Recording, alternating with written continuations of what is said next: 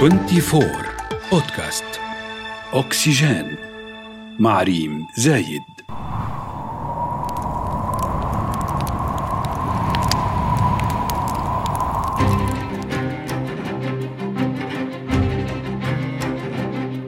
تعد مشكلة موجات الحر أكثر القضايا الملموسة للتغير المناخي. اذ تضاعفت موجات الحر في العالم كله. ووصلت لنتائج لا تحمد عقباها.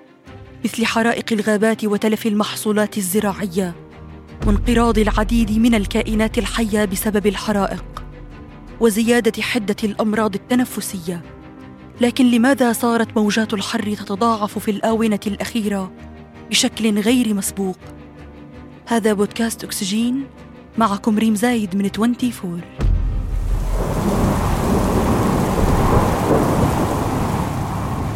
قرنت الأمم المتحدة مشكلة تضاعف موجات الحر بالآثار العالمية للاحتباس الحراري. فمع تزايد مستويات غازات الدفيئة وتراكمها ستستمر درجات الحرارة في الارتفاع وستتوالى موجات الحر واحدة تلو الأخرى.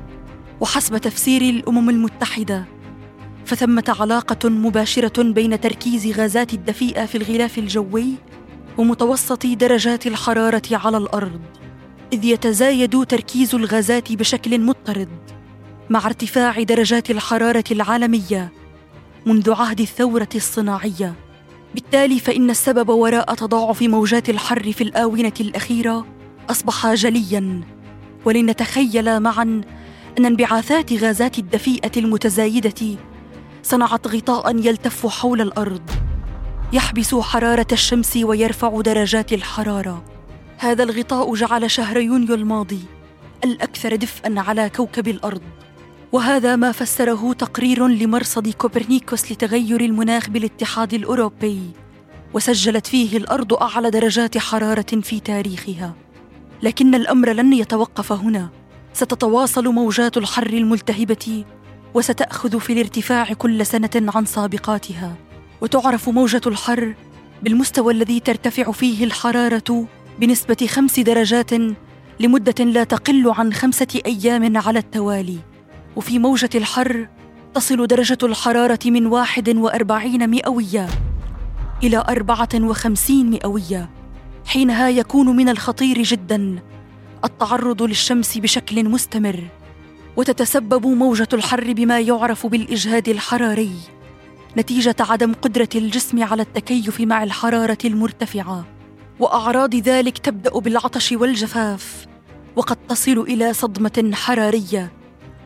يصاب خلالها الشخص بصداع شديد وفقدان للتركيز والتهاب في الجلد وصولا إلى فقدان كامل للوعي. يقول البروفيسور ريتشارد بيتس عالم المناخ في مكتب الأرصاد الجوية وجامعة إكستر لا ينبغي أن نتفاجأ على الإطلاق بارتفاع درجات الحرارة العالمية.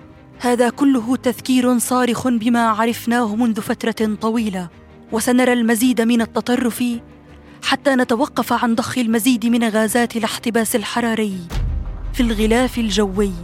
لا شك في أن ارتفاع درجات الحرارة هذا العام قد لفت نظر الأغلبية للتمعن في الظاهرة ومعرفة أسبابها.